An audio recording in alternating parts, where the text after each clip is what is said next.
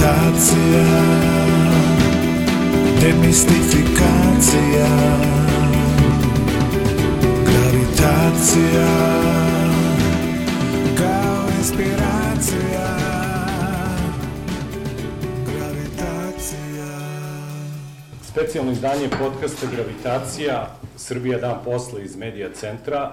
E, Iza nas su još jedni izbori, ispred nas možda još jedni protesti. O tome šta se desilo juče, šta će biti u nedeljama, mesecima, pa i godinama koje dolaze, iz Medija centra govore politički analitičar dr. Dejan Vuk Stanković, advokat Rodoljub Šabić i politikolog i novinar Cvjetin Milivojević. Razmišljao, razmišljao sam kako da počnemo ovaj podcast danas i ideju mi je dao predsednik Srbije. Juče se na konferenciji za novinare zahvalio opoziciji. Iz jednog drugog razloga iz kojeg Cvjeti Milivojević e, u svom intervju u jednim novinama rekao je da sam u koži Vučića za današnju opoziciju bih mogao samo da kažem bravo momci i hvala gde je tačka a, istine u zahvaljivanju sinoć i ovoga od pre dva meseca?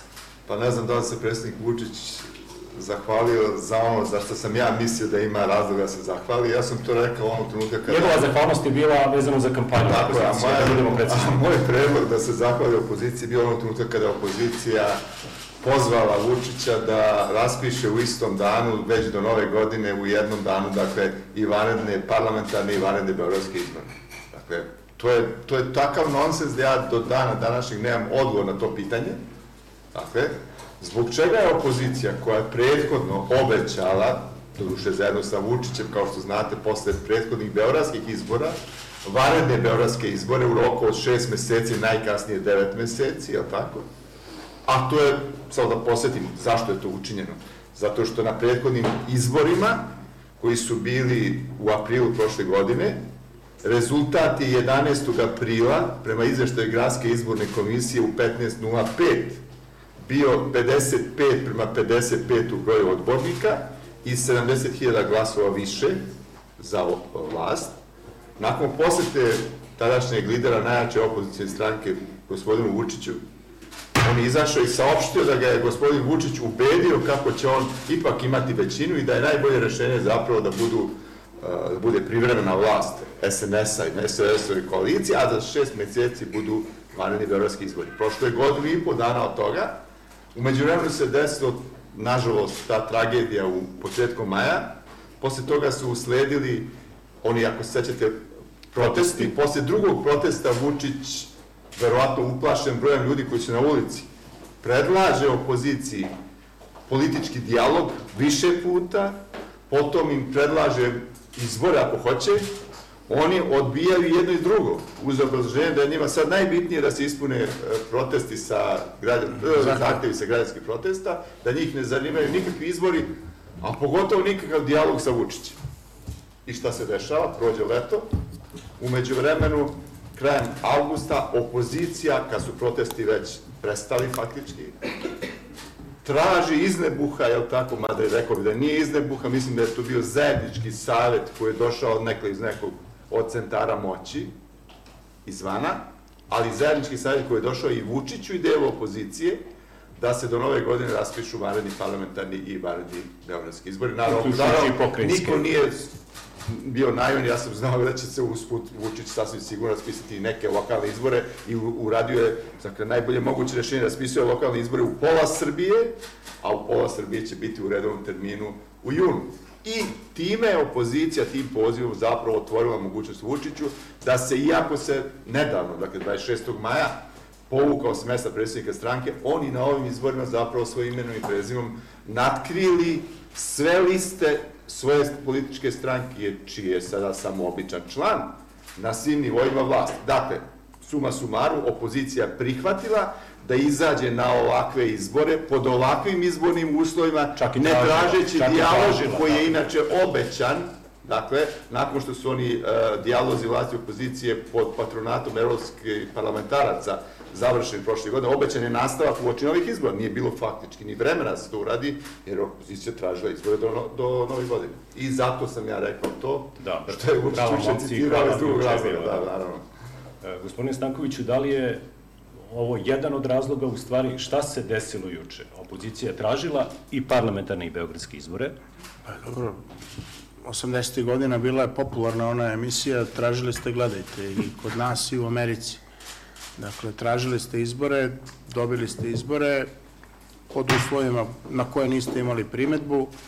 Prethodno su hteli, valjda zbog dve, tri photoshopirane fotografije i nešto malo naroda na ulici, da ponize Vučića tehničkom vladom i time da zapravo ponište izbore iz 2022. On je to mudro sačeko, sačeko je da protesti polako jenjavaju i da se onda ugase sami od sebe zbog leta i zbog nedovoljne političke artikulacije tog nezadovoljstva.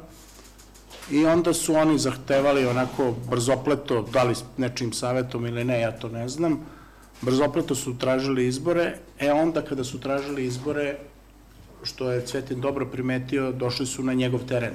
Teren gde on definiše i dinamiku izbora i karakter izbora. Onda on u jednom trošku shvatio da će Beograd da bude neuralgična tačka političke borbe, prebacio težište na kampanje na Republiku. Tu je umeđu vremenu otvorena priča o pokrajinskim izborima koji su tu spakovani i vrlo vešto 60 i nešto opština. 65. 65 opština je otvoreno, otvoreno za glasanje, što bi bilo komplikovano da je to urađeno u zakonskom terminu. I Vučić je sam stao, nije se sakrio ni za, ni za koga e, kao nosioc liste, Re, čak je podigao ulog rekavši da ako njegova politička opcija ne dobije većinu, on daje ostavku na mesto predsednika, stvorio je preduslove za da referendumsku... izvinite, da li imate problem sa tom izjavom ako ne pobedi liste koju ja predvodim, neću više biti predsednik Srbije, iako je on predsednik svih građana? Nemam problem s tom- tom izjavom, zato što je on izabran kao predsednik Srbije, kao zastupnik jedne političke opcije. I on jednostavno može suvereno da odluči da li će biti na vlasti u kohabitaciji, kao što je to bio slučaj sa Tadićem i Koštunicom, ili će se povući i otvoriti prostor da dođe predsednik iz neke druge opcije. Nastavit ćemo dalje, očigledno od tog obećanja nema Dakle, ništa. od pošto tog obećanja nema ništa, da. e, on je dobio apsolutnu većinu, E, jednim delom zahvaljujući svojoj kampanji, jednim delom zahvaljujući kampanji opozicije. Kao što ste videli, kampanja vlasti je imala dva momenta, jedan je pozitivan, drugi je negativan. Primarno su išli da se obraćaju građanima sa onime što su do sada uradili, vešto skrivajući naravno svoje nedostatke, a negativna kampanja im je bila kombinacija reaktivne i ofanzivne kampanje u zavisnosti od toga ko je bio targeta te kampanje. S druge strane imali ste opoziciju koja je računala na dve okolnosti. Jedno je da kroz forsiranje negativne kampanje dovede do protestnog glasanja i drugo je računala je na to da postoje određeni ciklusi trajanja političkih e, partija na vlasti koji su oko desetak godina, godina, godina, plus 12 da. godina i da prosto kod naroda će doći do neke zasićenosti vlašću Aleksandra Vučića i da će se to samo od sebe zapravo urušiti i takva se slika stvara ako gledate opozicione medije da da je ovaj sistem iznutra vrlo kvarljiv i da je samo pitanje dana kada će dode. Naravno, ko plažljivije prati politiku zna da malo šta ide samo od sebe, da je potrebno imati organizovanu političku opciju, jasan program, jasnu poruku i drugo, morate napraviti jednu, ja mislim, vrlo važnu razliku. U Srbiji postoji jedna i po politička partija i postoji veliki broj e, e, asocijacija pojedinaca koji bi žele da se bave politikom. Ta jedna organizovana partija je SNS. Vidimo da SPS zbog ovog rezultata je izgubio tu organizacionu snagu i jedinstvo kao što je ranije imao, a da s druge strane raspadom demokratske stranke ta protivteža nekadašnjim radikalima, odnosno današnjim naprednjacima, još uvek nije formirana. Tako da, za pravljanje alternative Vučićevoj vlasti, što je po mom mišljenju proces koji traje od 3 do 5 godina, potrebno je da se stvori organizacija sa odborima, kadrovima, političkom porukom, spremna da iznese ovako složen tip izbora. Jer vi sad imate izbore koji dolaze lokalni, gde morate da imate lokalne kampanje, možda beogradski ako se napravi kriza vlasti oko formiranja te koalicije, mada ja sumnjam, ali sledeće takmičenje je za četiri godine. Dakle, u te četiri godine, umesto da se oduševljava deo opozicione elite karikaturama Petričića i Koraksa, nekim dosadkama Zorana Kesića ili Marka Vidojkovića, trebali bi da krenu u terenski rad. I trebali bi da krenu u okupljanje ljudi i pravljanje platforme. I najzad da završim, ne može se revolucija voditi sa Filipina. Lepo je što gospodin Đilas može da putuje na egzotična ostrava i da gleda košarku, to je sve plemenito i lepo, ali ako ste revolucionar morate da budete ovaj, a on je na rečima revolucionar, morate da budete uz narod i pre svega u svoju organizovanu političku organizaciju. Zamislite Lenjina i Trockog da su sedeli ovaj, na Filipinima i gledali košarku, Rusija bi još uvek bila carska zemlja. Tako da u principu ovaj, mislim da je veliki deo Vučićeve pobede proizvod njegove zasluge i talenta, ali u toj pobedi ima puno opozicijonih nesavršenosti koje mogu da se koriguju, koje nisu fatalne, ali za koje su potrebni neki novi ljudi. Gospodine Šabiću, ja sam i u najavi ovog podcasta rekao da su iza nas ostali još jedni izbori i da su ispred nas još jedni protesti. Da li su ovi izbori završeni? Pa dobro, to nije jednostavno pitanje, imajući vidu da ih je bilo više. Dakle, pokrenjski i republički su bez sumnje apsolvirani ubedljivom pobedom vladajuće stranke doduše na jedan vrlo zanimljiv način, vrlo je, to bi gospoda, budući da su analitičari, vjerojatno ovaj, mogli da analiziraju bolje nego ja, ali ovaj, dakle, samo se čak ojačala u odnosu na prošle izbore, ali na račun saveznika. Žestoko su udarili SPS, opozicija nije slabija nego što je bila. Dakle, i opozicija može u određenom trenutku da prepozna neke stvari koje su vredan rezultat. Primer radi, ako, ako vas više nema dve trećine, to znači da neće moći lako da menja ustav, pa potom ako imate trećinu u parlamentu, lako možete da tražite varne sednice Skupštine. Dakle, ima tu niz prednosti koji su nekakvi taktički vredni rezultati. Ali meni je dao šlagot gospodin Stanković tom tezom na kojoj će vlast vjerojatno insistirati. Dakle, sad ste, gospodo, četiri godine mjerni. I sad pazite, malo je poznat fenomen, Srbija je u, naj, u samom vrhu zemalja koji su rekorderi po broju varednih izbora. Ovo su nama od dolaska na vlast sa nas četvrti varedni izbori, imali smo samo jedne redovne. I, dobro, varedni izbori nisu neka anomalija, ali su sve tu dešavaju, ali po pravilu se dešavaju, dakle, u zemljama koje su nam konkurenti po, po intenzitetu tih izbora, poput recimo Grčke ili Bugarske, to se dešava onda kad posle izbora nema nema snage koja može sastaviti vladu. Nema, ne može napraviti koalicija, nema većine, ili napravi se koalicija, pa to komandanta pukne, vlada više nema većinsku podršku u Skupštini i onda su vadili izbori, izbori normalna stvar. Kod nas su vadili stvar bili izbor, stvar izbora gospodina Vučića. Dakle, ni jednog trenutka se nije desilo da se vlada ne može sastaviti i ni jednog trenutka se nije desilo da vlada gubi većinu parlamenta. Uvek je vladala lako, brzo, u jednom trenutku imala i većinu dovoljno da menja ustav, bez ikakve probleme. Dakle, to je svedeno na nivo taktike i interesa vladajuće stranke. Da li je to dobro ili nije, to je posebno bitnije, ja mislim da nije, ali naravno korištena je, korištena je nekakva ustavna mogućnost koja je u dobroj meri, znate, raobovala i raspoloženje. Prečesti izbori nisu, nisu mnogo dobra stvar. Dakle, i sad smo dakle došli u situaciju da će vlast verovatno insistirati na tome da moramo nešto i da radimo, da Srbija ne sme da stane, moramo napred, ne možemo da se biramo svaki godinu dana i da će nastaviti na tome da četiri godine ovaj, više nemamo izbore. Nisam uveren da će... Ne, ne, to, to nije novost od, od sinoć. Ne, ne, naravno, ne, da, Kampanja da, ove, za ove izbore je krenula tako što je iz vladajuće garniture bilo saopšteno da su ovo poslednji izbori i da su prvi naredni Vidite, Ali moje da- pitanje, ja vas vraćam na pitanje, da li su ovi izbori završeni imajući u vidu da Ne, deo opozicije najavio ponavljanje izbora u Beogradu? Evo, i pod pretpostavkom, dakle, da bude veliki broj prigovora, recimo, pokrajini i na pokrajinskom i republičkom nivou, i da čak bude usvojen značajan broj prigovora, to ne može biti nije da promeni rezultat. Se osvojio toliko ovaj, procenta glasova, odnosno toliko mandata, da to ne menja bitnije situacije.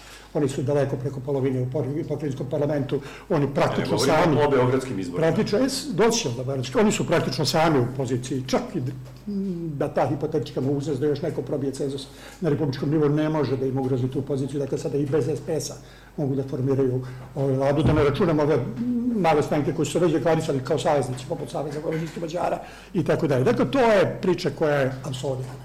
Ostaju beogradski izbori koji su meni najinteresantniji. Dobro su gospode govorila, znate, meni isto, ja sam konsultovan bio od strane neke lidere opozicije, u kad su odlučili da izađu s tom pričom da traži izbore, ja sam bio, zapravo ja sam rekao, ja ne razumem da tražite vanredno parlamentarizam. Nisam nikad čuo da neko traži izbore koji će da izgubi. Daje tempo, A to Vučiću, dogodili. da. Ovaj, razumem da tražite beogradske izbore, ja sam im čak sugerisao da insistiraju samo na beogradskim izborima. Što bi Vučiću bilo jako teško da prihvati. On je znao da je to neuralgična tačka i da je tu poraz moguć. Tu na kraju kreva nije pobedio. Najjači je SNS, ali nije pobednik. I rekao, insistirajte na tome, on će verovatno odlagati i to će on davati, ako ništa drugo, onda tempo u raspravi. Evo ga, bojim se da raspiše izbore. I da podsjeti na ove priče, ne znam ko je da li je gospodin Stanković ili ovaj, e, gospodin Jatović, da je to skoro obećano nakon tog famoznog razgovora e, Đilasa i Vučića. Pa dobro, odložilo se godinu dana, Da, to se desi, mi, oni su izašli te izbore i sad pazite. Ja sam uveren dakle, da su srpski izbori potpuno neravnopravni izbori. Da mi sad trenutno imamo sistem u kome su svi izbori sudar Davida i Golijata. Dakle, takva prednost u svakom pogledu, od mogućnosti da koristiš državne resurse, preko finansijske moći, preko medijske podrške, je na strani vlasti, da je to bukvalno sudar Davida i Golijata. Ali da se razumemo, opozicija je to znala. To nije tajno. Dakle, tražio sam utakmicu po tim uslovima, pristao sam da igram bez golmana i izgubio sam. I tu je jako teško sad otvarati kao, kao nekakav problem. Sve to su poznate stvari. I u ranijim kampanjama je sada se trošio duplo više novaca nego svi ostali. I ovo je potrošio duplo više nego ostalo. I, u, I ovde, pazite, vi imate situaciju u kojoj recimo sada se ima 350 naslovnih strana, od koji je 30 ili 50 negativni. U poziciji ima 90 naslovnih strana, od koji je 80 negativni. Ali sve su to stvari s kojima se moralo računati, bile su poznate. Međutim, na vjeranskim izborima se desilo nešto što se desilo prvi put i što je mene, moram reći, ozbiljno usnemirilo. Dakle, tri stvari koje bacaju debelu, ružnu senku na izbore. Jedna je bila gotovo, nekoliko gotovo, pot, ja mislim, potpuno neodgovorno, imajući u vidu kakve funkcije ti ljudi vrše. Izjava premijerke Brnabić, koja je slavio ovaj, Đukanović, ovaj do to opozicija sprema neki jurišna institucija, haos, bezumlje da izaziva i tako da ide, bez ikakvih argumenta. To je više puta ponavljeno. To je perfidno. To je potpuno perfidno. Sad mislite, kad ja sad rekao da ja pouzdano znam da će gospodin Vuk Stanković, gospođa Brnabić i advokat Đukanović večeras da opljačkaju komercijalnu banku na teranju. I one naravno ne opljačkaju. Ali onda kaže, pa da, da, nisu opljačkali zato što sam i ja razotkrio. Gospodine Šapiću, e, Šabiću, ja barem moram da priznam da takve veštine Ne, šalim se, šalim se, naravno, jasno je, jasno je da se šalim učem, možda pretvoreno harabovo, ali to je to. Ne, dakle, ne, ali ja sam da se sad, sa da, vama. Dakle, ovaj, ja to ne znam. Dakle, to je da- potpuno, to je potpuno, potpuno perfidno. Onda ta priča dobija neverovatnu da- dodatak. Pazite, u noći u oči izbora policija poziva lidere opozicije da dođu u policiju, da bi im saopštila da oni imaju informacije i svoj, i svoj izvora i strani, da oni pripremaju haos, bezumlje i napad na institucije. Pa to nema presedana. To ja mislim da, da to nikom više ni, ni u diktaturama ne pada na pamet. I još, povrh svega, prenose im predsjednikovu poruku. Policija prenosi predsjednikovu poruku. To je, to je neviđeno. I na kraju, treća stvar je ova priča koja je juče imala, tako kako bi rekao, jednu tragikomičnu formu u areni. A šta je tu? Šta Pa je sad ćemo to da objasnim. Evo, baš, pošto je, čak sam i polemisao na Twitteru, ona nije prihvatila polemiku, ona je dala šlagvot, ja sam odgovorio, ona je čutala. Dakle, Bože moj, šta je tu? Evo, vidite šta je tu problem. Dakle, nesporno je pravo svakog ko je državljanin Srbije da bira i bude. Pa to, to dvoje državljanstvo, vi ste na taj da, problem. ne, ne, najmanji je problem. Može da ima dvoje državljanstva. Srbija ne isključuje to mogućnost. Ima dosta državljana Srbije koji su i dvojni bili. Ali jedna je stvar kako se glasa na parlamentarnim izborima, jer se glasa po zakonu o izboru narodnih poslanika, druga je stvar kako se glasa na lokalnim izborima. Dakle, u zakonu o lokalnim izborima vam jasno piše, dakle, da birač glasa u mestu prebivališta mestu prebivališta glasa. Sad ću vam reći, da citiram, da ne bi parafrazirao, šta je prebivalište. Dakle, prebivalište je mesto u kome se građanin nastanio s namerom da u njemu stalno živi. On, je ovo mesto u kome se nalazi centar njegovih životnih aktivnosti, profesionalni, ekonomski, socijalni i drugi. Veza koja dokazuje njegovu trajnu povezanost s mestom u kome se nastanio. To je lakrdija. Dakle, ljudi koji su bili tamo i koji su se zakrivali, dakle, od nekoliko mojih kolega koji su pokušali da razgovaraju s njim, članova RIK-a, ovaj, i koje neko zaključa tamo i gledao sam posle te filmove, to je tužno izgledalo, tako posle oni, oni uragana na Floridi, sede neki jadni ljudi tamo na onim klupama koje posle neko voda negde, ti ljudi ne znaju na- ni adresu na koju su prijavili, ni biračko mesto. Dakle, vlast je dozvolila da se ti ljudi fiktivno prijave u Beogradu. I nije slučajno, i zašto sam ja naglasio u razgovoru s vama, gospodine Orliću, da, je najveći, da su najveći problem beogradski izbori. Nije bio problem da ti ljudi kao državljani Srbije glasaju za vlast u BiH. Ali otkud vi znate da su glasali za vlast? Pa, dobro, uče, mislim, A ne, ne, ne, ne, ne, čekaj. vi baš u tome nastavite da budete duhovite. Vlast je organizovala smešta. Da ne prekinem. Vlast je organizovala Ne, prevoz. mene nešto drugo interesuje. dakle, Pre nego što Cvetinu dam reč. Samo da završimo. Da. da. dakle, to je. Ja sam do, organizovano dovodio ljude. Ja sad, imam, sve je to jasno. Da. I, I čuli smo juče kroz medije. Ja sad samo imam jedno drugo pitanje.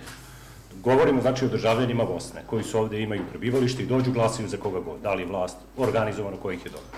Imate čoveka koji 20 godina. Ali nemaju živi- prebivalište. Imate čoveka koji recimo 20 godina živi u Čikagu, tamo plaća porez, e, prima platu, uzme avion, ne voli Vučića, sedne, dođe iz dijaspore ovde, glasa u Beogradu, je to regularno? Pa naravno da nije.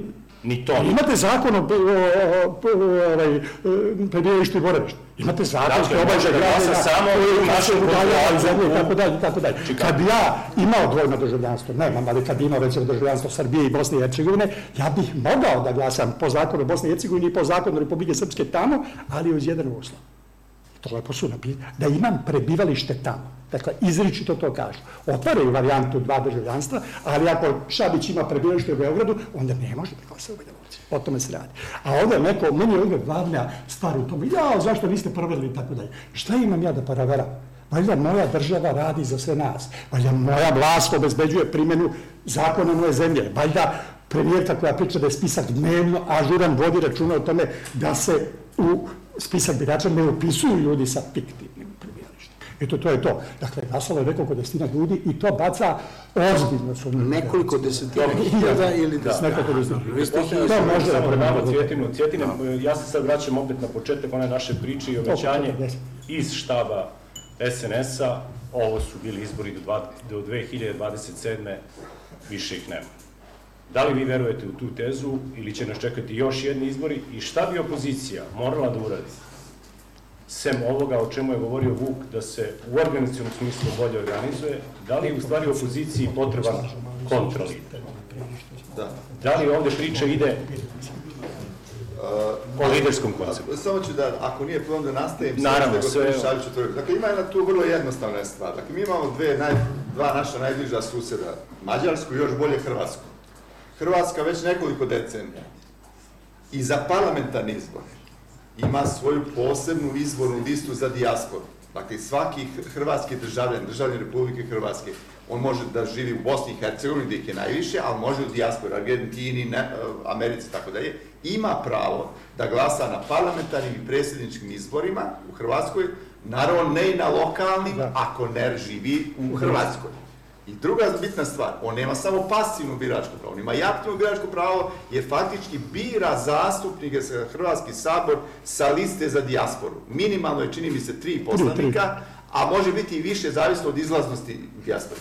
Naše vlasti, sve, od 90. na ovamo, evo gospodin Šabić je bio, ja mislim, ministar za lokalnu samoupravu, tako da je, su uporno iz svojih egoističnih partijskih razloga, od Miloševića preko DOS-ove vlasti, Tadićeve pa danas do Vučićeve, odbijale da tako na neki način ohrabre ljude koji ili već imaju državljanstvo Srbije dvojno ili imaju s, o, zapravo ispunjavaju sve kriterije da dobili državljanstvo, a njih je nekoliko miliona u svetu, znate, i da makar glasaju na tim parlamentarnim izborima ili predsjedničkim izborima. To je jedan aspekt priče. A ovaj drugi, moram takođe reći, ovo što se desilo juče, to možda nije presudilo beogradske izbore, ali izuzetno negativno uticalo na klimu i nepoverenje i kao da je neko namjerno hteo da baci jabuku razvora između državljana Srbije koji žive ovde Da, da. i državljana Srbije koji imaju dvojno državljanstvo i Bosna i Hercegovina i Srbija žive tamo. To je bespotrebno. To je na neki način zloupotreba. I, I mislim da su tu sukrivci ne samo vlasti u Srbiji,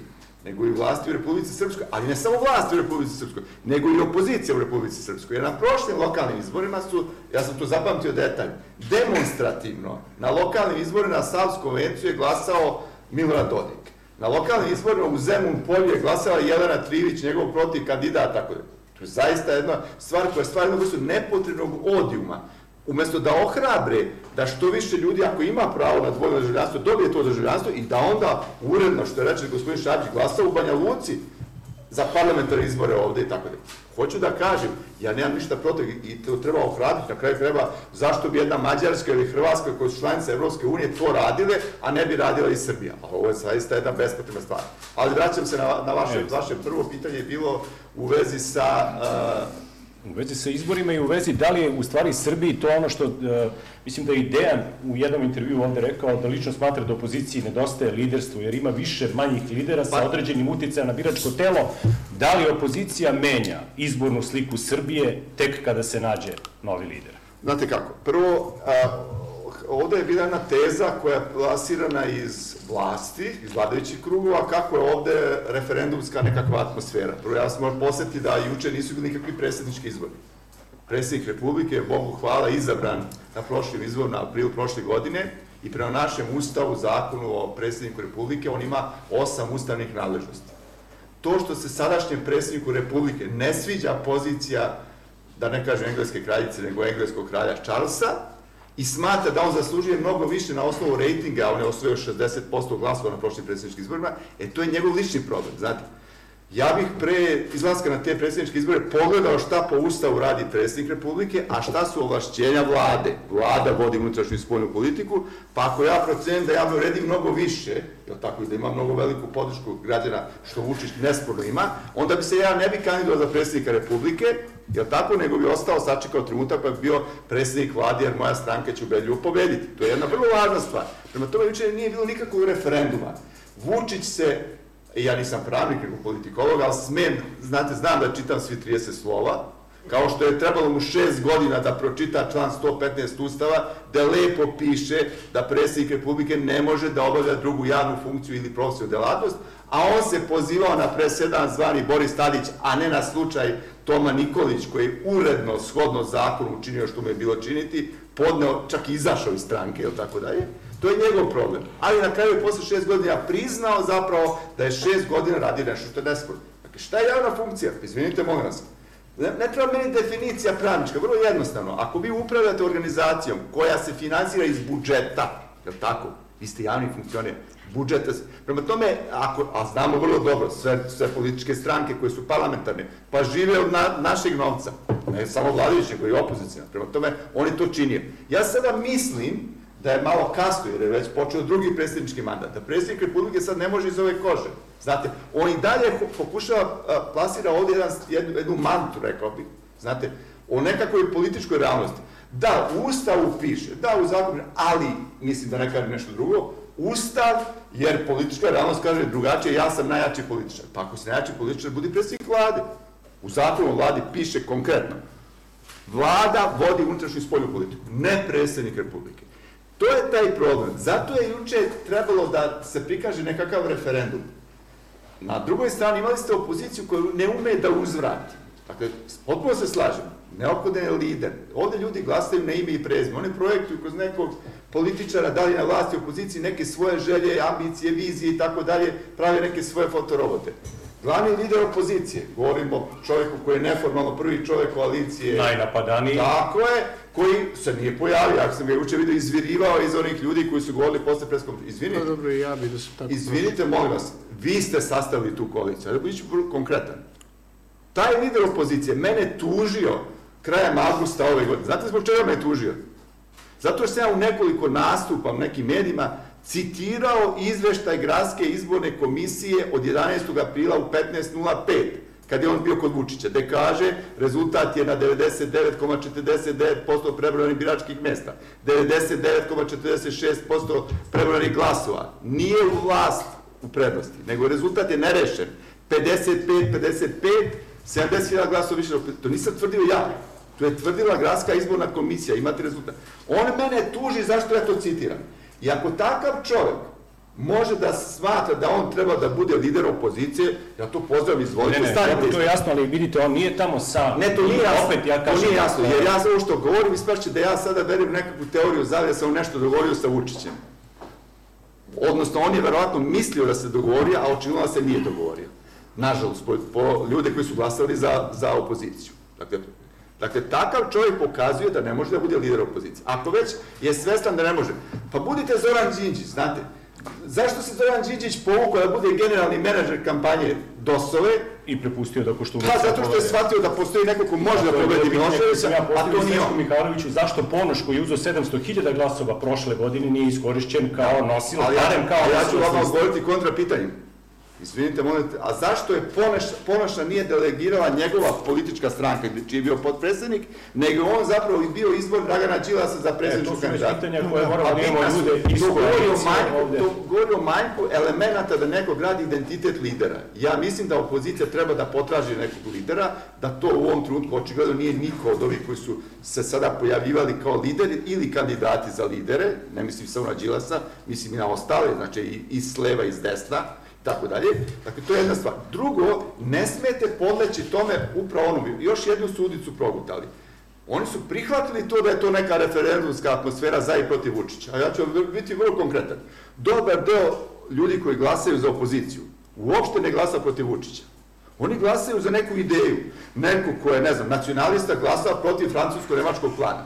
Njega Vučić ne zanima kao takav, on će glasiti zbog nekog drugoga, protiv nekog drugoga, ako potpiše ili prihvati taj plan. I obrnuto, ljudi koji su za ekspresni ulazak u Europsku uniju po cenu da se odreknemo Kosova, njih Vučić ne zanima kao takav, ali će oni biti uz Vučića ako Vučić prihvati to. Znate, prema tome ta priča o tome da je bila referendumska atmosfera, a opozicija guta tu priču, progutala je, a u tome ne možete da pobedite Vučića. Pre nego što Na tom terenu je on najjači. Pre nego što dam Dejanu reč, samo vrlo kratko, upravo ovo moje pitanje, da li će onda opozicija imati četiri godine vremena da se spremi? Ne, bit će ranije izbora. Biće ranije izbora, jer nas čekaju bitne odluke. E, ajmo sad ovako, znači, e, pošto ima nekih stvari koje ja drago što vidim od ljudi koji se, s kojima sedim i vrlo pažljivo slušam što pričaju i to su obrazložena izlaganja sa njihovog stanovišta. Prvo i osnovno, postoji jedna anomalija ustavna za koju nije zaslužen Aleksandar Vučić, a to je način na koji se bira predsednik Srbije, koji je nesrazmeran stepenu ovlašćenja koje je isti taj ustav propisao. Dakle, on se bira direktno, a ovlašćenja su muska. To je proizvod ustava koji su donele pogodbom u roku od tri dana dve demokratske stranke, jedna je DSS, koji se sad zove, ne znam zašto, novi DSS, a druga je demokratska stranka koja je iščezla. I treća je Srpska radikalna Srp- koju su Srpska- vodili Tomislav Nikolić i Aleksandar Vučić. e, i, i Vojislav, tačno oni su podržali na referendumu i u Skupštini to. Ja su podržali, oni su učestvovali u pisanju. Učestvovali su manje u pisanju, pisali su Hiber i još jedan, ja mislim, iz Demokratske stranke Srbije, ali to sad nije bitno. Dakle, ta ustavna anomalija je inače deo političke prakse u ovoj zemlji, jer sve promene u ovoj zemlji su počinjale i završavale se do sada padom na predsjedničkim izborima. Milošević je u neravnopravnijim uslovima izgubio izbore 2000. godine. Imali ste samo jedan medij koji imao nacionalno pokrivanje, to je bio Radio Indeks, ako se sećate. I nekoliko lokalnih medija i nekoliko uh, dnevnih novina. Blic, Glas javnosti i ta, da li se zvalo danas ili naša borba, misle da se zvalo danas. Dakle, to je tadašnje vreme. Kada je pao Boris Tadić 2012. godine, a to je bio simbolički i politički gest promene nomenklature, oni e, koji su bili opozicija, to su tadašnji naprednjaci, su imali šta? Četiri sata programa na KCN-u, koji je kablovski operater, Pravdu koja je postojala godinu dana i Radio Fokus, koji se emitovao jedno vreme iz onog Interspeeda u Rakovici, a posle tamo negde... I Voždovcu. logistiku u parlamentu, zahvaljujući vladajućoj demokratskoj stranci, Koja je- koja je- tolerisala koja poslanički klub koji je nastao na Tačno. protivzakonit način. I koja je verovala u nekakav- i- i koja je verovala- četvorogodišnju kampanju unutar parlamenta. To vi sa Gordanom Čomić Stranke rešite, jer je ona Finansijsku logistiku za formiranje Srpske napredne stranke Tačno. koja je rađena u štabu tadašnjeg predsjednika Republike. Jeste. I, izvinjavam se, jedan grč. Pa jel nešto nije tačno sa vremenom? Jeste, jeste, ali... tačno ili nije? E, pa sad ja to ne znam, ja Pa, nisam jel toliko... jeste ili nije? Da- Slušajte ovako, jednim delom je tačno, a jednim delom je tačno i da su imali 2 miliona glasova koje su osvojili... koje su dobili 2008. nakon četvorogodišnjeg podrške od strane vladajuće demokratske stranke. Dobro.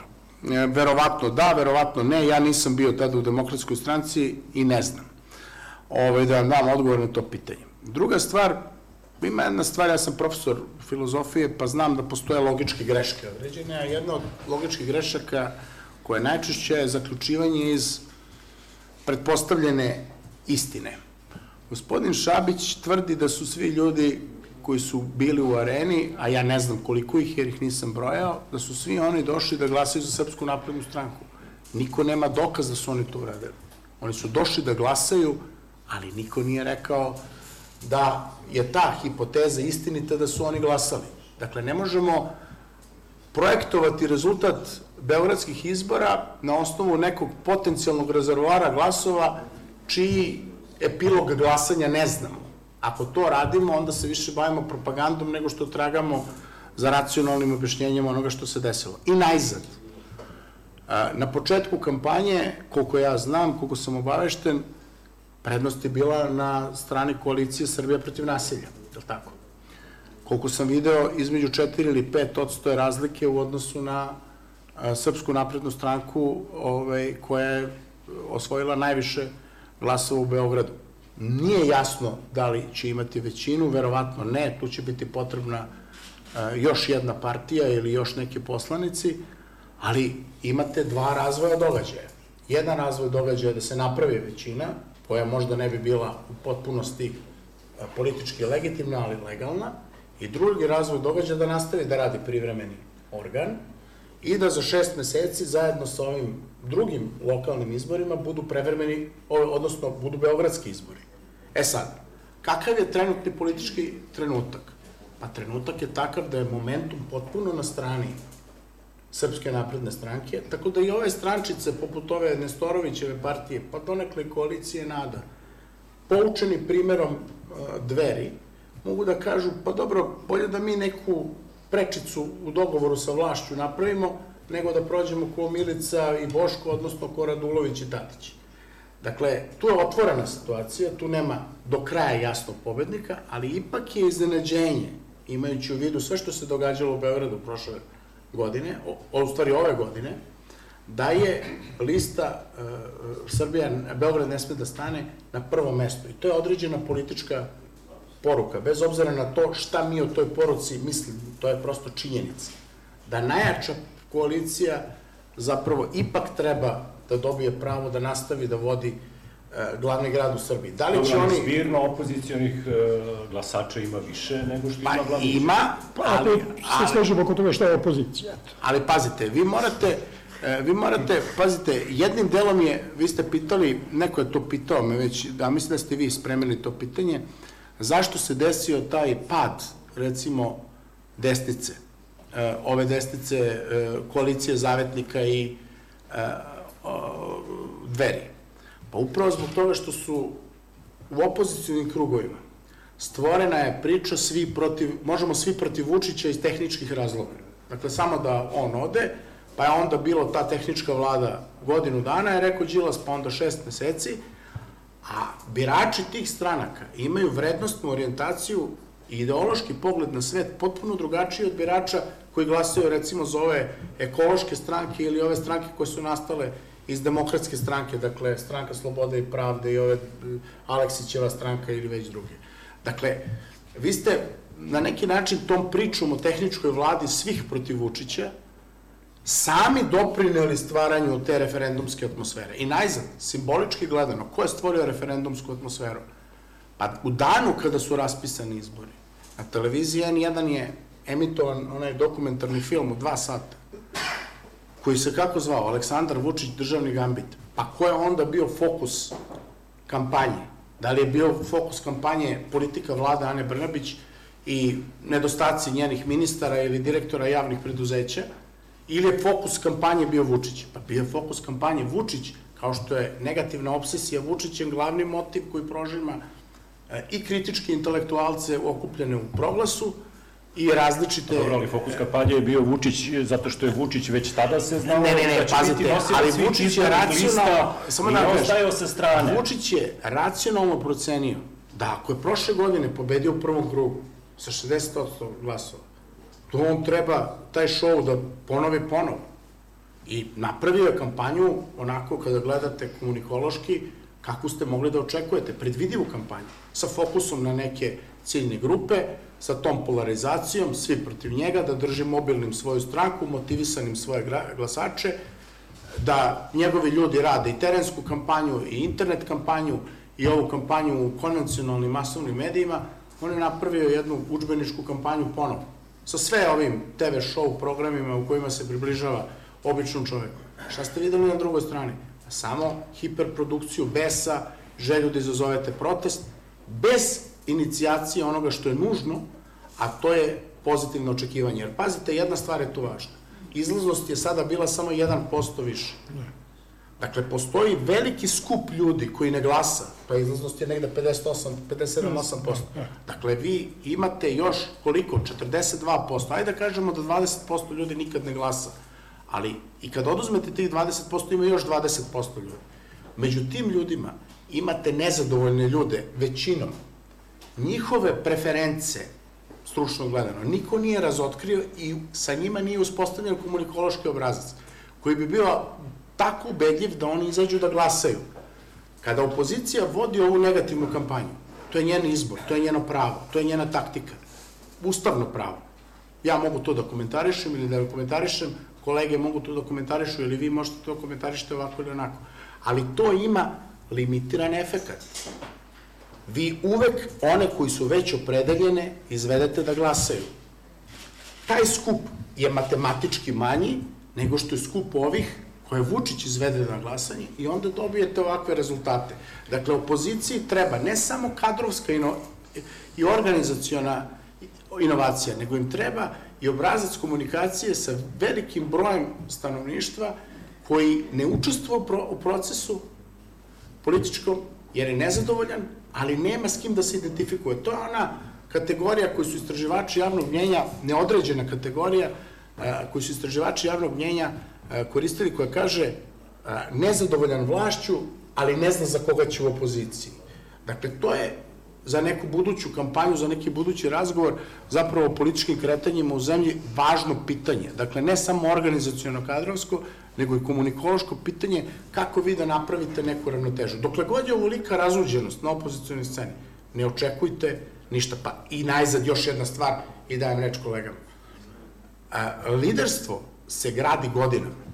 Koštunica je 10 godina bio, je li tako, u, u institucionalnom i političkom životu, prethodno u disidentskom životu, je li tako, Yes. negde od početka 70-ih pa do kraja 80-ih.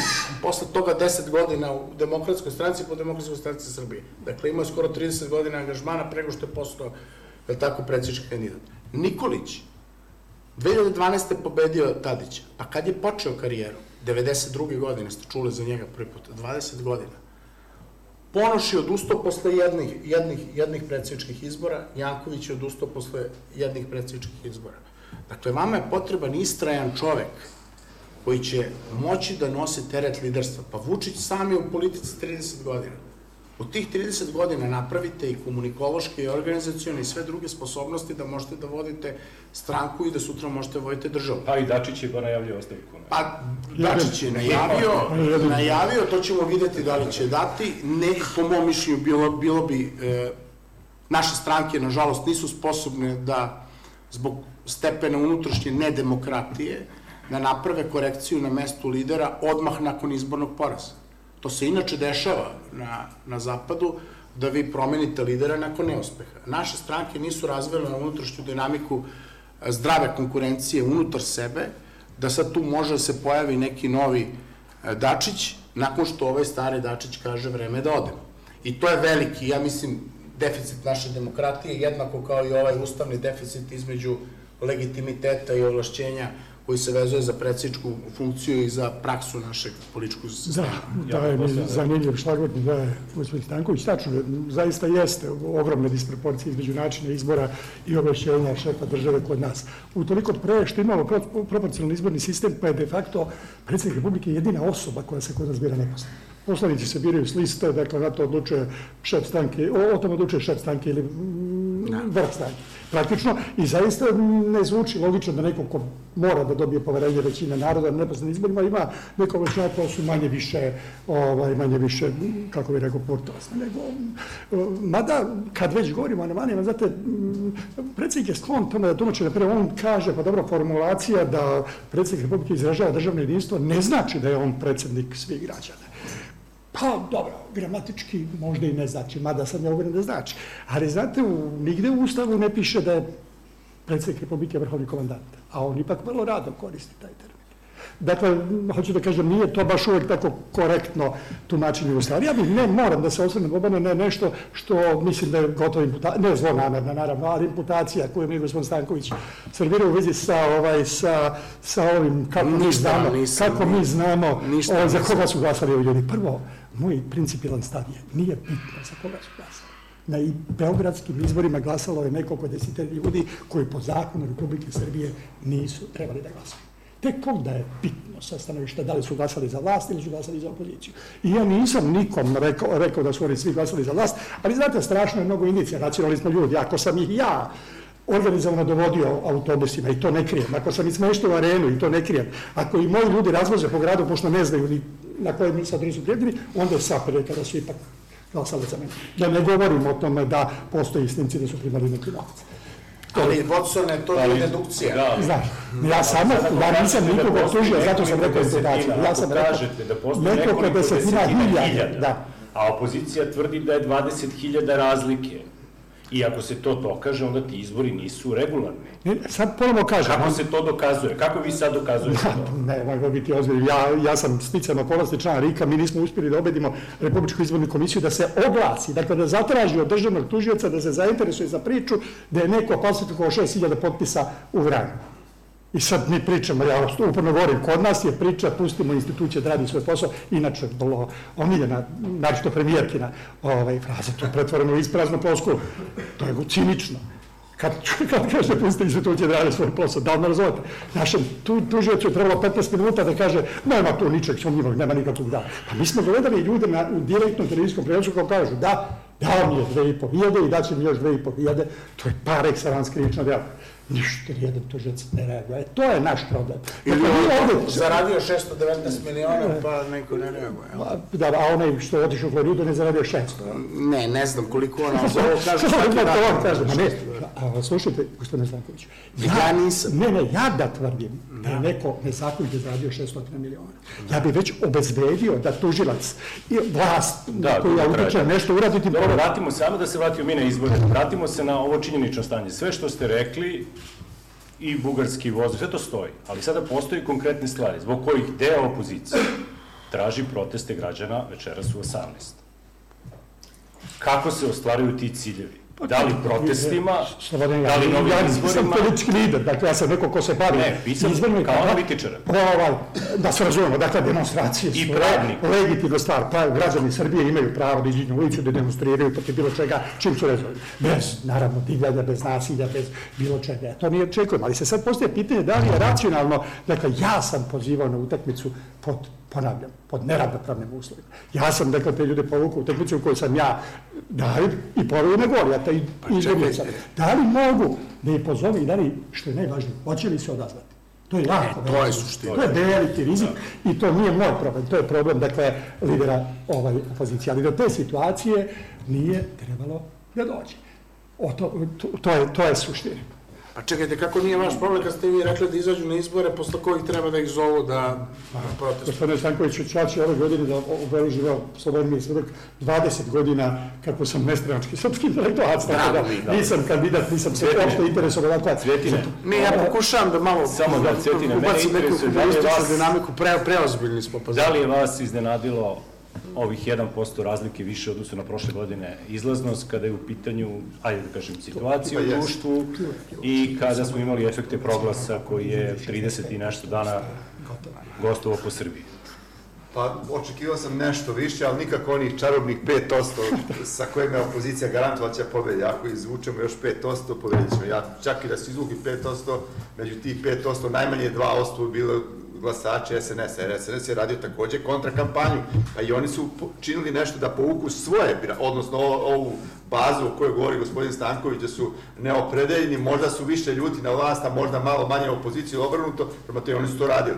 Dakle, to je 1%, 1 do 2%, ajde kažem da to je nešto, to, to je bila za, zaista za oko lepa kampanja proglasa, neki ljudi koji nisu članovi stranaka, oni pozivaju, eto, samo izađite, obavite svoju građansku du- dužnost. Naravno, svako ko se i ole malo razume u politiku zna da je to jedna kampanja koja ide u prilog opoziciji, pa bit ću vrlo direktan. Jednom delu opozicije, Ma to je jednom zapravo poziv da se glasa zapravo za jedan deo opozicije, možda ne baš za jednog čoveka, ali za jedan deo opozicije.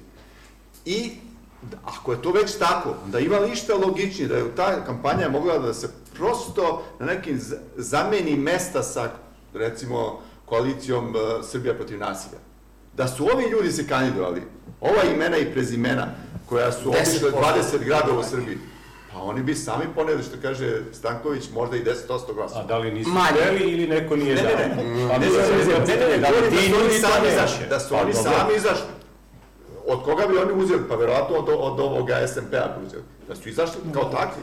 Znači, to je bila ozbiljna grupa. Pa oni su, za mene, zapravo Nestorovići na drugoj strani. Znate, ljudi koji nisu u politici, pa nije, Nestorović imao deset tamo prepoznatljivih ljudi, mi malo pocenjimo priču. Svih deset koji I različitih raze njegovu- politika. Ja sam gledao do 13. mesta, oni imaju, čini se, 13 poslanika. Sve su to ljudi za koje smo svi čuli. Ne morate slagati sa njima. Ali, znači, oni zapravo nisu nepoznati. A uzmite li- liste nekih političkih stranaka. Oni, ovi, Nestorović ima bolju kadrovsku politiku od njih. Dobro, Recimo, znači vas, nacionalna- vas nije iznenadio Nestorovićev rezultat ili jeste mene? Nije jeste. ne, nije me iznenadio Nestorović rezultat. Drugo, Nestorović je igrao jednu dobru igru, naravno i vlast je učinila dosta da mu pomogne time što je faktički svoju, svoju ošticu mača okrenula prema delu nacionalne opozicije. Tu je bio relaksiran Nestorović. Nisu mu otvorili priči jer je ravno pločac ili kako bi rekao Vučić, ravno zemljaš i tako dalje. Iz početka je Vučić aludirao između ostalog i na njega, onda je prestao da pominje tu priču jer je shvatio da zapravo bolje imati Nestorovića nego neku ozbiljnu nacionalnu stranku, je tako, u opoziciji u parlamentu. Tako da, ali mislim da je zapravo e, najbolja namera, najbolja želja ljudi koji su e, radili za ovaj proglas, agitovali, dali su pozajmili svoje ime i krajeva doveli u pitanje neku svoju lagodnu poziciju i tako dalje, nije na neki način, na pravi način materializovana. To, to je vrlo vidljivo. E, dobro, ali je bitno onda da li će biti. Znači, da li proglas sa 17. decembrom staje ili nastavlja? Pa kako trenutno stvari stoje, on staje. Jedino kažem da se... Ne, da se, imamo, da imamo svi dovoljno, za, ovim stolom imamo svi dovoljno godina. Da se setimo kada sve to počinje. Prvo je bio Ujdi, pa je bio, tako, Depos, Depos. Pa je bilo to, pa je Beogradski krug bio neki, pa su razni ti krugovi pravljeni i to je onako interesantno možda delom za medije, delom za kulturne, i naučne i te takozvane intelektualne krugove, Međutim, poenta u demokratiji je da vidite i da skupljate glasove. Ja cenim tu mnoge ljude imaju zavidne stručne biografije. Recimo, bivši predsjednik Akademije nauka, gospodin Kostić je jedan od citiranijih naših naučnika po ovim svetskim ovaj, parametrima. Dakle, ne možete vi tu da osporite ništa. Da li se slažem politički ili ne s njim, to je potpuno nebitno. Ali ne prenosi se taj autoritet iz sveta nauke u politiku tako što ako ste dobar naučnik ili dobar košarkaš, ko što je bio Bodiroga svoje vremeno ili ne znam ko je ovaj, Bjelogrlić i dobar glumac, ne prenosi se to automatski na političku sferu. Ja ću vas podsjetiti na jedan primer sa američkih izbora iz 2016. godine. Tri uticajna sportista su bile i za Hillary Clinton. Jedan je LeBron James, koji je umeđu vremena postao najbolji strelac u istoriji NBA lige. Drugi je Steph Curry, najbolji košarkaš šuter, back, Golden State Warriors i, Amer i uh, šampion NBA-a.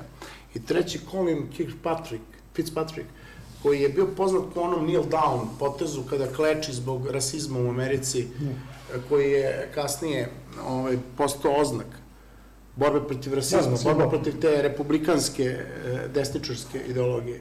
I ko je pobedio? Pobedio Donald Trump. U jednoj kampanji koja je bila najmanje, među bi se moglo reći da je bila otprilike 20-30% prljavija nego ovde. Koliko god to nama svu čudno zvučalo. Šta je Trump, šta su uradili Hillary Clinton i Trump posle tri duela, vrlo oštra? Pa Hillary je pozvala Trumpa i pružila ruku. Vi sinoć od ljudi koji su na rečima veliki demokrati, niste čuli čestitamo našim političkim protivnicima.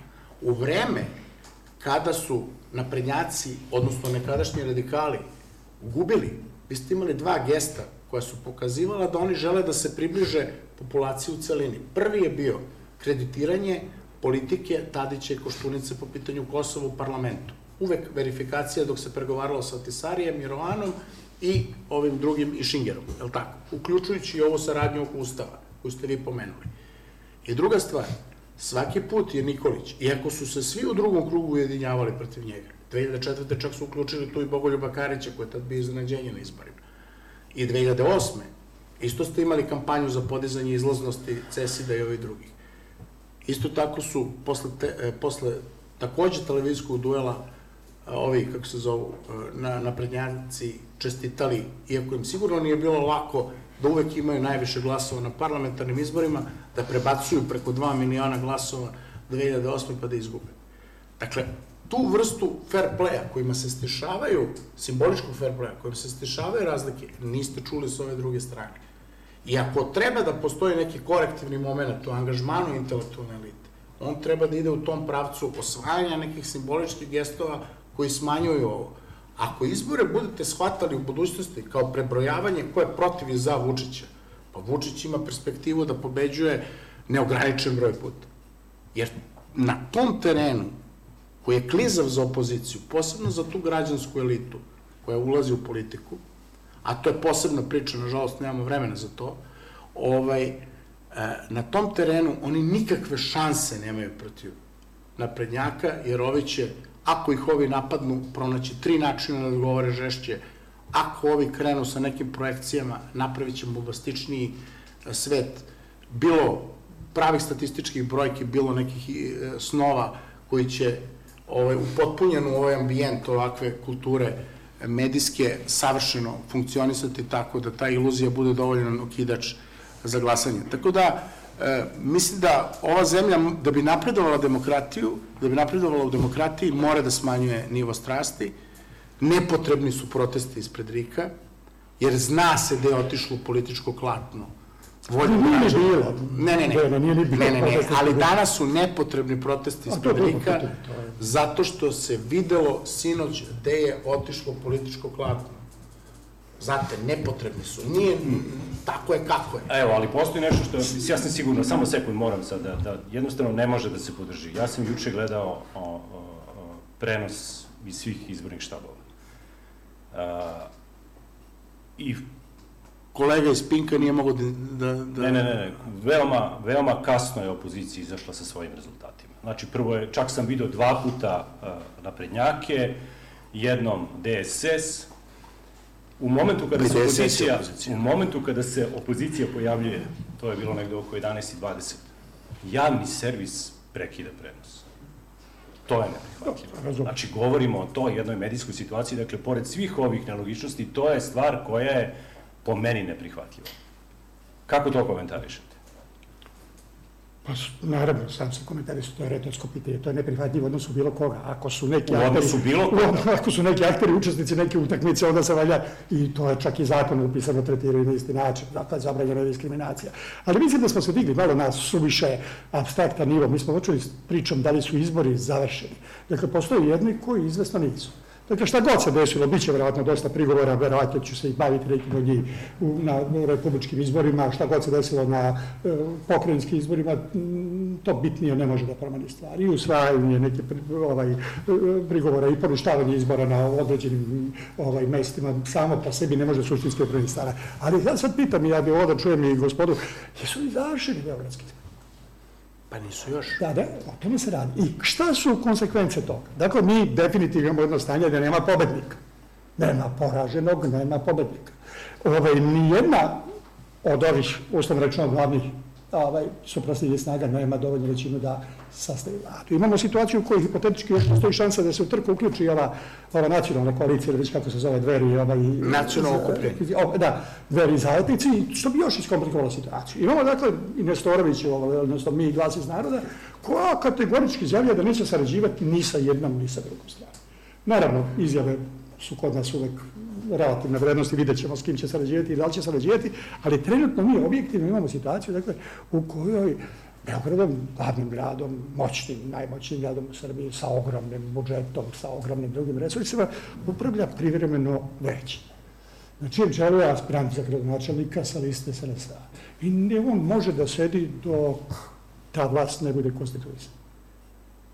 Da li me razumete, to već je već... do nekih novih Da, izbora, Pa Stanković dok o ne bude, mogu biti pa, i novi. Naravno, ako se desi da se ne može napraviti deal sa, sa, ovaj, sa mi, sa mm, sve vuče na nove izbore. Ali na, u kraju krajeva, do tih izbora, sa sličnim, recimo, rezultatom ili nešto malo drugačije i tako dalje, vlast drži primjerno veće koje funkcioniše po principu većine. Trenutna vlast ima 3-2 i preglasava sve što mu treba. I to opet tumačeći zakon kako mu odgovara. Dakle, to privremeno veće trebalo bi da otpravlja te kuće poslove. Ona, međutim, sa po 150-200 tačaka dnevnog reda disponira ogromnim iznosima novca. Ono kao ne, i da obavlja neodložne poslove. I ono ko recimo kao neodložan posao odluči o izgradnji drugog spomenika caru Dušanu. I to je neodložan posao. I reviziram ponovo, ali ja vam ponovo kažem, to može trajati u nedogled. I to je takođe To bi bio pozicija... dobar projekat. To je takođe pozicija koja vlasti i tekako odgovara. Dakle, i u ovu priču oni ulaze s jednom ogromnom inicijalnom, inicijalnom pretvrću. Opet dedukcija, vocu. Dobro, Ovaj, opet a vi ne mislite da ovo... pretpostavki, opet iz praksa pretpostavki, opet iz analizirajte zadnjih deset sedmica e, privremenog veća Beograda. Gospodine Šapiću, Šabiću, opet mi Šapić na, na, na pameti. Dakle, e, možemo da analiziramo naravno i tih deset, ja ne bežim od toga. Ja vam samo kažem jednu stvar. Ajde da gledamo istini u oči. Gde je političko klatno otišlo juče? Slažem se, dakle, svakako. E, to je stvari, evidentno. To, to je evidentno. da, to ne može Dakle, da se... hoćete da se bavimo tim... e, Pa gde je otišlo? Pa gde je otišlo? Pa ja to ne Evo, pitate, evo, ja- ja, ja- pitanje, pa gde je otišlo? Desno, da. Pa stvarno i ja bi isto... Ovo što ja kažem, otišlo je tamo u svesti, u svesti ogromne uh, većine građana Srbije. Aleksandar Vučić je simbol, a pogotovo njegovih glasača, 90% njegovih glasača, simbol nekoga ko će sutra da odustane od francusko-nemačkog plana, od Ohridskog sporazuma i tako dalje. Da li mislite da će on to uraditi? Dakle, hoću da vam kažem... E, da vi zaista političko mislite da ja mogu da dam, da vi mislite da ja mogu da dam odgovor na to Pa ne, ne, pošto postavljate pitanje, otišlo je političko pla- klatno tamo. Jeste, i koliko sam ja I da li čuo, vi verujete da će Aleksandar Vučić da prati ono što je ogromno, ogromno veće Evo raspoloženje njegovog biračkog tela, da ne ulazim u ostatak Evo, biračkog e, evo, tela. Ne, samo evo, sekundu, evo, da li vi verujete? Pa ne verujem. e, dobro. E, E, ja ja, kažem da mi imamo, sem ovoga što se opet relativizuje to, da li je bitnija a, a, politička realnost ili to što je naš ustav nedorečen, izvinite, mene baš briga da naš ustav nedorečen, on postoji kao Jasno. takav, on je prošao na referendum, možete reći referendum trajao tri dana, jeste, ali on je takav kakav Jeste. jeste, prema tome uvek u normalnoj državi bi bio važniji ustav od toga što je politička realnost. i ja se da slažem kod nas nije tako, ja i kod nas smo, evo, imamo primjera, nije samo ovaj put, mi smo imali stranku koju smo pomenuli na početku, nismo joj dali previše vremena, SPS, koji je dva puta bez pardona iza, izigrao izbornu volju svojih glasača.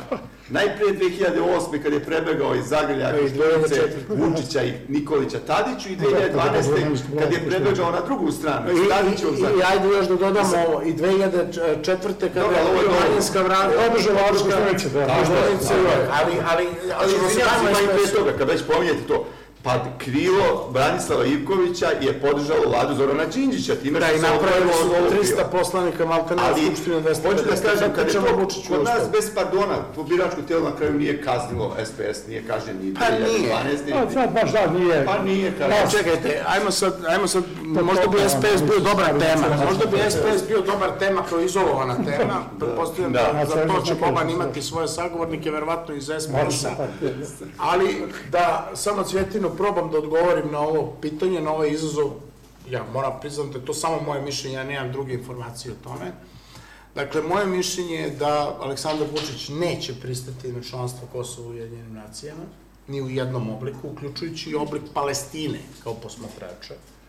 Dakle, to je neka crvena linija njegova u odnosima sa zapadnim silama. Ako ste mislili na tačku 2 i tačku 4 Ohridskog sporazuma, Vučić je prihvatio normalizaciju odnosa sa Kosovom, u svim tačkama, odnosno osim u tačkama gde se potvrđuje suverenitet i teritorijalni integritet Kosova i njegova e, međunarodna reprezentacija, odnosno članstvo u organizacijama i, aspil, i asocijacijama koje se vezuju za Ujedinjene nacije. Dakle, to je ono što Vučić neće prihvatiti. Dakle, to je ono na osnovu onoga što sam slušao u kampanji, na osnovu intervjua, na osnovu, ako hoćete, razgovora sa CNN-om, koji je bio javno prenošen ovde, koliko sam ja stekao utisak za njega je to crvena linija, tako da ako govorimo o tim biračima e, koji su poverovali programu Aleksandra Vučića i njegovom obraćanju, u tom segmentu ja mislim da oni neće biti iznevereni. Da li će druga obećanja uspeti da realizuje vezana za standard, za infrastrukturu i to, to ostaje da se vidi. Daj Bože da za sve nas ovde koji sedimo u ovoj prostoriji plata bude prošla 1400 evra za tri godine. Ja bih to voleo ovaj, da je tako, imajući u vidu disproporciju recimo između medijalne zarade sada i onoga što statistika prikazuje da je prosečna zarada, ja bih volao da medijalna zarada bude 1400 evra ovaj, u ovoj zemlji, da li će biti ili neće, ja o tome ne odlučujem, ali ako ste me pitali za ovo, za francusko-nemački ovaj plan, mislim da u tom pogledu tačka 2 i 4 će ostati neprihvatljive za Vučića. Ja mislim da, ga, da mu niko neće ni tražiti da eksplicitno prizna Kosovo. I postoji ta varijanta. Dakle, Kosovo može da postane član međunarodne organizacije i bez potpisa Aleksandra Vučića ili nekog drugog svetskog funkcionera, ako se uspostavi odgovarajuće konstelacije, odgovarajuća potreba većine. Neću da spekulišem da će to biti tako, ali hoću da kažem jednu drugu stvar. Znate, koliko god da je Kosovo bitna tema, za sve nas koji živimo u Srbiji i tako dalje, nesporno. Bitna, nije jedina. Vidjet ćemo mi, recimo, šta će da bude odmah posle izbora sa projektom Rio Tinto. Ne može da otvori. On kao, neću ja da ulazim u to zašto ste vi, zašto sam ja. Ja samo kažem da je vlada rekla to je gotovo, mi smo sve papire pocepali, nikad više i, i mi smo to skinuli iz dnevnog reda, donela zakon o, o građanskoj inicijativi, koja je odmah posle pogazila jer je 40.000 građana podnelo inicijativu za donošenje zakona o moratorijumu koju je već stavio u fioku i na koje zaboravlja. Dakle, vidjet ćemo recimo, e, jer ja mislim da sa ogromna broj građana, sa stanovišta, kako bih rekao, dnevni interesa, to pitanje nije ništa manje zanimljivo na Kosovo. Govorimo kao teoretički. Evo dakle, ja se javljam, gospodine Šapiću, e, Šabiću, javljam se da sa vama diskutujem o Rio Tintu, to je meni omiljena tema. Svako Zato što su svi toga, ja sam za i ovaj... Ušli smo u sat i nešto našeg podcasta, vreme je da završamo. Da. Pretpostavljam kolege da ste dali završen reč Cvetine. Kada ćemo sedeti i pričati o normalnim izborima, normalnim medijima, o demokratiji i bez ostrašćenosti, postoji li taj politički moment u Srbiji? Šta treba da se Pa desi? evo, sad je prilika. Sad je prilika, evo, na potezu je večeras u šest, a ja sam razumio da je protest ispred Gika, do duše ispred Rika je, ali se odnosi pre svega na beogradske izbore. Tako sam razumio, opozicija nema neke velike, ozbiljne primjedbe koje dovode u pitanje rezultat na republičkim izborima, nego samo... mnogo, oni da, da, da, ali okej. Znači, to je prilika, to je početak. Dakle, šta hoću da kažem? Dakle, RIK, šta će sud reći, gde će biti ponavljanja, kako će glasati u RIK-u i tako je. Hoće li kao prošli put, ne znam, 300 ovaj, e, zapisnika koji nisu bili zaheftani u sebi, još jedan papir na kome se upisuju primetbe, odbaciti po šablonu ili neće i tako dalje. Jer ovde je zaista rezultat, ponovio se izborni rezultat u prošle da, godine. manje više. Dakle, opozicija je pobedila što se tiče broja glasova, što se tiče mandata, tu je negde očigledno egal i tako dalje.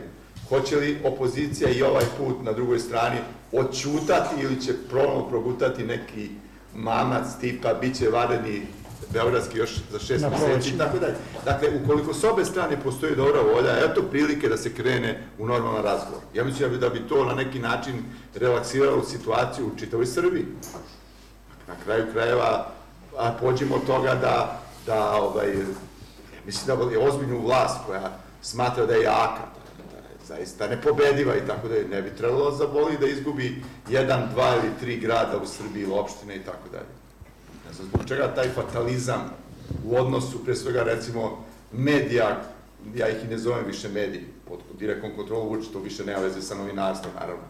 Dakle, propagandni štabova koji sede u medijima, strah od gubitka bilo kog mesta na bilo kom, tako da U čemu je problem? Da li postoji strah od odmazde što oni tvrde da će ih neka, neki Vuk Jeremić kad dođe na vlast e, revanšizmom, je tako? Ili postoji nešto drugo?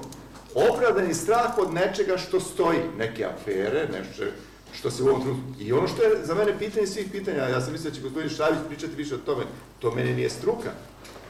Kakva demokratija, kakva priča? Dajte ljudi moji, pa ja smo mi svesni da nemamo slobodnu tu treću granu vlasti. Imamo li sudsku vlast uopšte? Zakonodavnu vlast. Gospodin Vučić je ovde danas tužilac, sudija, on je glavni advokat. Dakle, prosto, on donosi presude pre suda i to shvatamo kao normalno, pa dobro, on ima 60% glasno. Ja pitam, još imamo, molim vas, imate osam ustavnih nadležnosti, dodeljujete ordenje, primate akreditivna pisma, imenujete ambasadore, unapređujete učinove na predlog vojnog rukovodstva, odnosno ministarstva odbrane i tako da. To su vaše nadležnosti. Ne sviđa vam se to. Pa jeste li čitali vi ustav pre što ste kandidovali? Cvjetine, ali tih pitanja je bilo za vreme ove izborne kampanje. Ma nije ih rezultat bilo, je nije ih ovako. bilo, ova opozicija nije imala nikakvu kampanju. Ja se, sla- ja se slažem sa gospodinom Stankovićem. Da. Oni su progutali udicu i bavili su se tim ko više mrzi Vučića.